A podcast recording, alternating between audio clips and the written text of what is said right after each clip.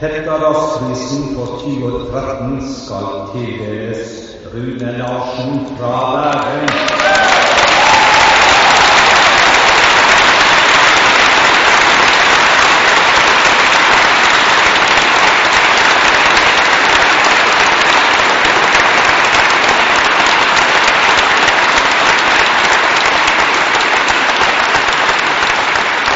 Tusen takk. Eh,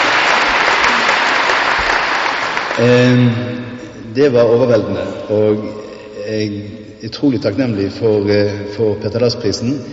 Jeg trodde jeg hadde dummet meg skikkelig ut når jeg eh, i forbindelse med videoinnspillingen eh, deres slo til med en salme som jeg trodde var Petter Dass, som viste seg å være Blix.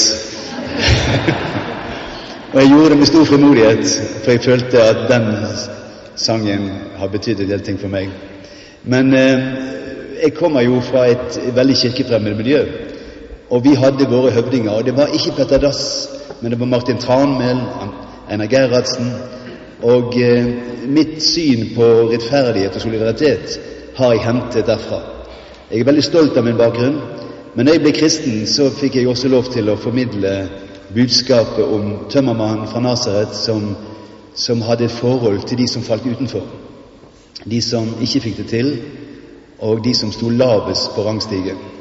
Så Når jeg holder julekonserter nå, så forteller jeg om, om hyrdene på marken som absolutt ikke hadde var høyt på strå i det, i det, i det jødiske samfunnet, eller, og, og allikevel så var det de som fikk høre budskapet som englene kom med.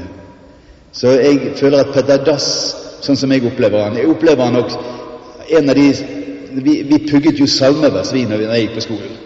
Og Petter Dass, eh, herregud, ditt dyre navn og ære, var på en måte en av de. Så jeg har det forholdet til han, og jeg har et forhold til han som en folkelig mann som hadde evnen til å formidle det kristne budskapet til mennesker som kanskje ikke alltid var like ivrige kirkegjengere. Og det ser jeg som min oppgave.